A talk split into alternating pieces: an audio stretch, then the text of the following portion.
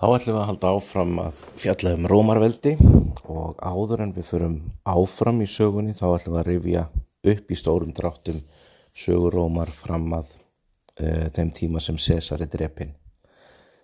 Uh, Róm var í upphafi konungsveldi og var stopnuð á áttundu öld fyrir okkar tímatal.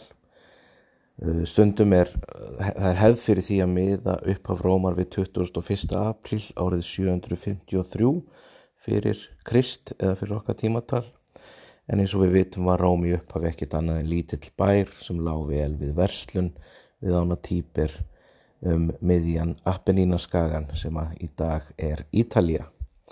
En borgin ógs og stækkaði og Rómverjar fóru að seilast til áhrifa og valda utan borgarinnar. Uh, það var svo um, rétt fyrir aldamótin 500 fyrir okkar tímatal Uh, líklega árið 510 eða 509 fyrir okkar tímatal sem rómeska líðveldið var stopnað og síðasti kongurinn af þeim sjö sem litu Róm var rakin frá völdum og það var þá sem Róm verður stórveldi. Þeir byrjuð á að leggja undir sig þjóðir á Appennína skaganum sjálfum með þeirra þjóða sem þeir lögðu undir sig voru Sabínar, Samnítar og Etrúar eða Etrúrar. Um, og það er árið 282 fyrir okkar tímatal þar sem þeir sigra síðusta, síðustu grísku nýlenduna sem enn var á skaganum. Og þannig að frá 282 fyrir okkar tímatal ráða rómverjar yfir öllum skaganum, öllum ítalju skaganum. Þeir háðu síðan þrjú stækkunastríð við Karthagó búa Þeir kalluðu, kalluðu Karþagobúa púnverja og þetta eru þekkt sem púnversku stríðin. Fyrsta púnverska stríðið var háð frá 264 til 241 fyrir okkar tímatal og í því stríði náðu Rómvírar völdum og yfiráðum yfir Sikilei.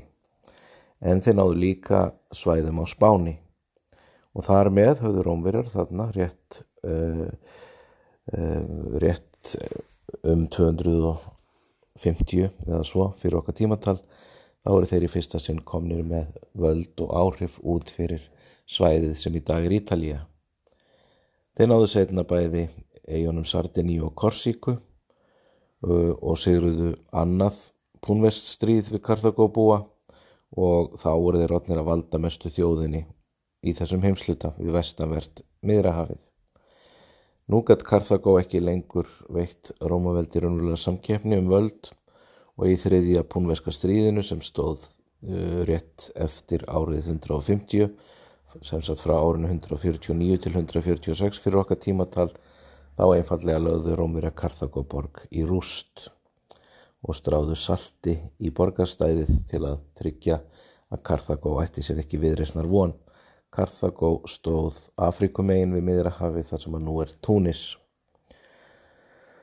Rómverjar heldur áfram að styrkja stöðu sína og, og ef við spólum nú hundrað ár fram í tíman þá erum við komin með Július Cæsar sem leggur undir sig og leggur undir Róm Gallíu, svæðið það sem er nú er Frakland og við lærðum í síðustu viku um það hvernig valdatími hans endaði enda á því að það eruðu þrýr valdamiklir menn sem börðust um völdin. César stóð einn uppi sem sigurveri í þeirri valdabaráttu var síðan myrtur af samsærismönnum í rómiska þinginu eða öldungadeildinni og þá braust út borgarastyrjöld.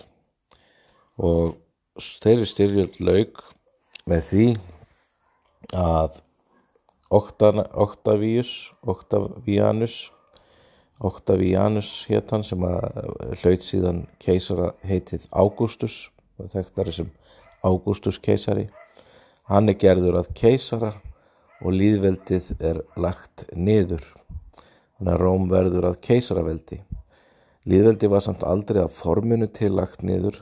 Það, það e, þeir, þeir festu það aldrei í, á blað að líðveldi var í hægt að vera til en frá árinu 27 fyrir okkar tímatal má segja að Róm sé orðið keisaraveldi og það er það, þannig fram að raunni hrunið þess.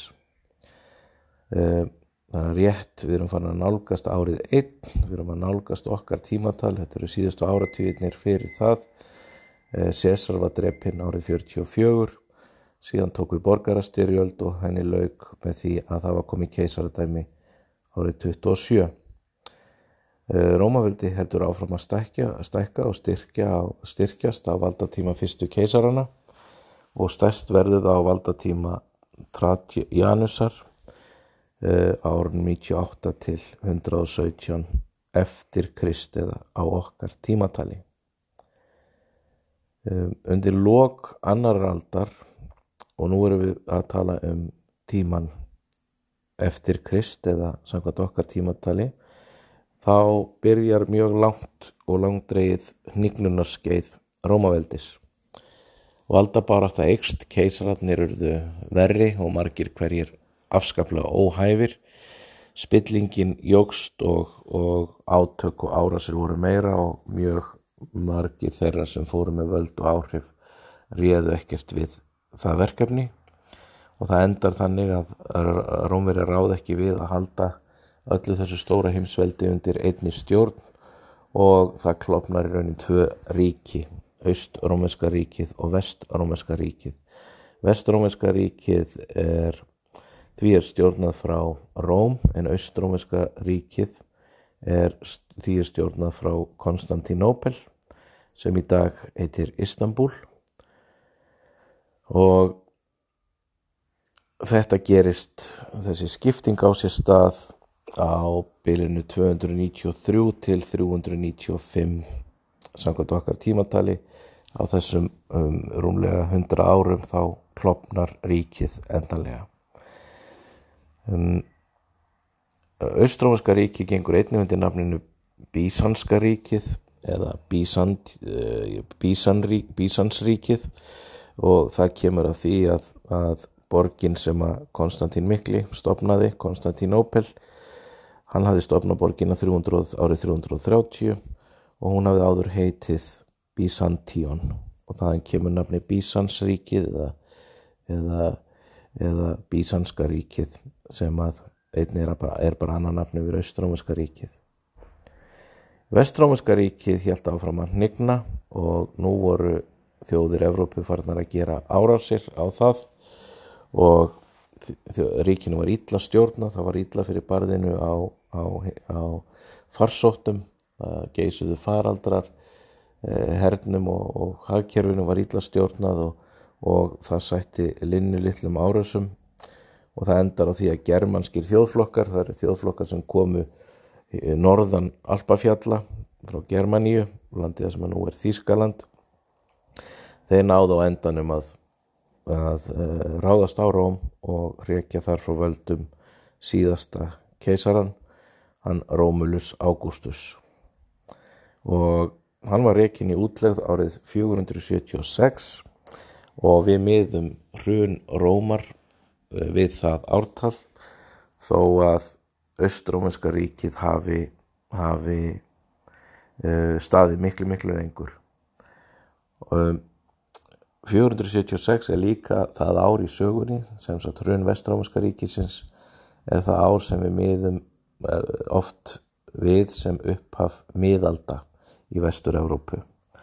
Það var mikið hnignuna skeið á þessu svæði en á móti kemur að það var rífandi uppgangur og blómstrandi menning annar staðar. Úr rústum vestrómiska ríkisins rís setna eh, heilaga rómiska keisardæmið en það klopnaði þarna í mörg ríki og eitt af þeim ríkjum sem það klopnaði í var Franka ríki svæði sem setna var Fraklandsvæði sem að César hafði lagt undir Róm. Bísansríkið heldur velli og það fellur ekki fyrir enn 1453 uh, uh, þúsund árum setna en Vestrómiska ríkið.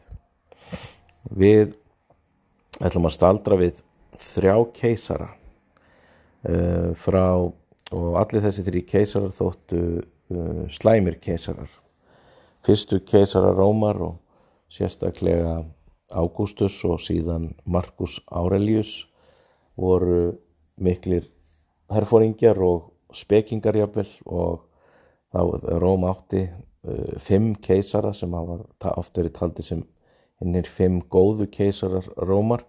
Við ætlum að þess að velta fyrir okkur þremur öðrum, allir af ætt Césars uh, og það eru þeir Nero, Claudius og Caligula. Þetta voru allt keisarar sem svona hafa þótt uh, frekar óhæfir eða vanhæfir í sínu starfi. Claudius kannski síst þrátt fyrir það að fyrirfram bjóst fólk við minnstu af honum. En Claudius verður keisari árið 37 og hann byrjaði vel, hann reyndi að eiga góð samskipt við öldungaráðið en hann hefur mjög líklega verið alvarlega veikur á geði því að hann hegðunans fór út fyrir öll mörg. Hann á til dæmis að hafa reyndað útnefna hest sem hann átti sem konsúl sem var aðsta svona líðræðislega embættið eh, sem enn var til á þessum tíma hann á að hafa uh, sofið hjá systrum sínum og, og þær gátt hann lítið uh, við því sagt, hann var keisarinn og valdamestur og hann á að hafa, hafa notið þess einstaklega að horfa fólk tekið af lífi og, og krafðist þess að leiti var á sjálfan sig sem Guð. Að endingu fekk lífvörður keisar hans nóg og hann var drepinn uh, og það voru morðingjar hans sem að gerðu frændans Klátius að keisara. En þeir heldu að Klátius væri vittlesingur. Hann var uh, líkamlega fatlaður, hann stamaði og, og, og það var ekki búist við miklu. Hann hefur líklega orðið veikur af einhverjum sjúkdómi uh, þegar hann var ungur og hérna og sínt merki þess hefði hann ekki verið uh, eh, sínilega fallaður þá er mjög líklegt að í valdabaróttun í Róm þá hefði hann verið myrtur. Uh, en það bjóst engi við að hann er það keisara. Það var ekki fyrir hann að lífverðir keisarans í raun gerðana keisara og skiptu sér þar með að því hver væri keisari. Og þetta var ekki í síðasta skipti sem þeir gerðu það. Uh, hann reyndi að horfa til Júliusar Césars og reyna að reynda í framkvæmt íms af því sem César hafði haft í bíkerð þegar að César var myrtur. César hafði vil, til dæmis vilja byggja höfn fyrir borgina við, við, uh, við hafið til að vera auðvitað að flytja inn korn frá nýlendum og þessum svæðum sem Róm hafi lagt undir sig. Eh, það var Klátíu sem að laði Breitland undir Róm og það, hafði, það gerist árið 47 eh, og það hafði César ekki einu svoni tekist og hann styrti svona stjórnkerfið í Rómaborg og kom á sterkara ennbætismannakerfi. Eh, því átti reynda síðan eftir að fylgja tölver spilling og það þykir svona galli á, á rómundur stjórn Kládiusar en miða við Caligula eh, þá er, er, Kládius mun hæfari keisari. Hann átti eins og mjög erfitt með svona persónulega lífið og kvennamálinn. Hann giftist fjóru sinnum og, og held mjög reglulega fram hjá konunum sínum og, og átti líka konu sem held mjög reglulega fram hjá honum og uh, og ein, ein, þriðja eiginkonunars uh, giftismanni sem hétt Sílius og, ætlaði sér að gera Sílius að keisara og Klátius brást við með því að láta drepa Sílius og aðra elskuga konar sinnar, þessara þriðju, hennar Messalínu. Uh, Messalínu var síðan myrt af einum af ráðgjöfum Klátiusar uh, Klátius gifti síðan fjörðukonunni og það var frængans Agrippína og frængans hafði hún Agrippína hún hafði mestan áhuga á því að, að gera svonsinn Nero að keisara. Uh, hann deyr árið 54 hann Claudius og sagan er oft sögð þannig að hann hafi líklega verið drepinn af Agrippínu sem hafi gefið honum eitrað sveppi að borða til að koma sín í sínum, honum Nero sem þá var 17 ára í keisarastólin. En Nero var næsti keisarin og það er þetta skipta valdatíma hans í tvent. Í fyrstu árin var það í raun og veru mamman sem stjórnaði fyrir hann en, en hann var einnig með góðan kennara í heimsbyggingi sem hétt Seneca og fyrstu fimm ár stjórnartíðar Neros eru talin einhver bestu og farfælistu ár í sögu Rómar.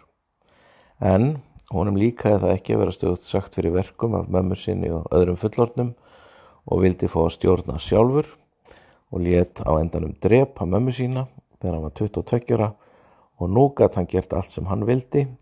Hann var mikill eh, áhuga maður um listir og íþróttir, hann elskaði kappakstur í svona hestakerrum og naut lífsins ótæpilega og svo, það var svo mikil nautnaseggur að, að það var umtalað og fólk svona leitt það hortnöga.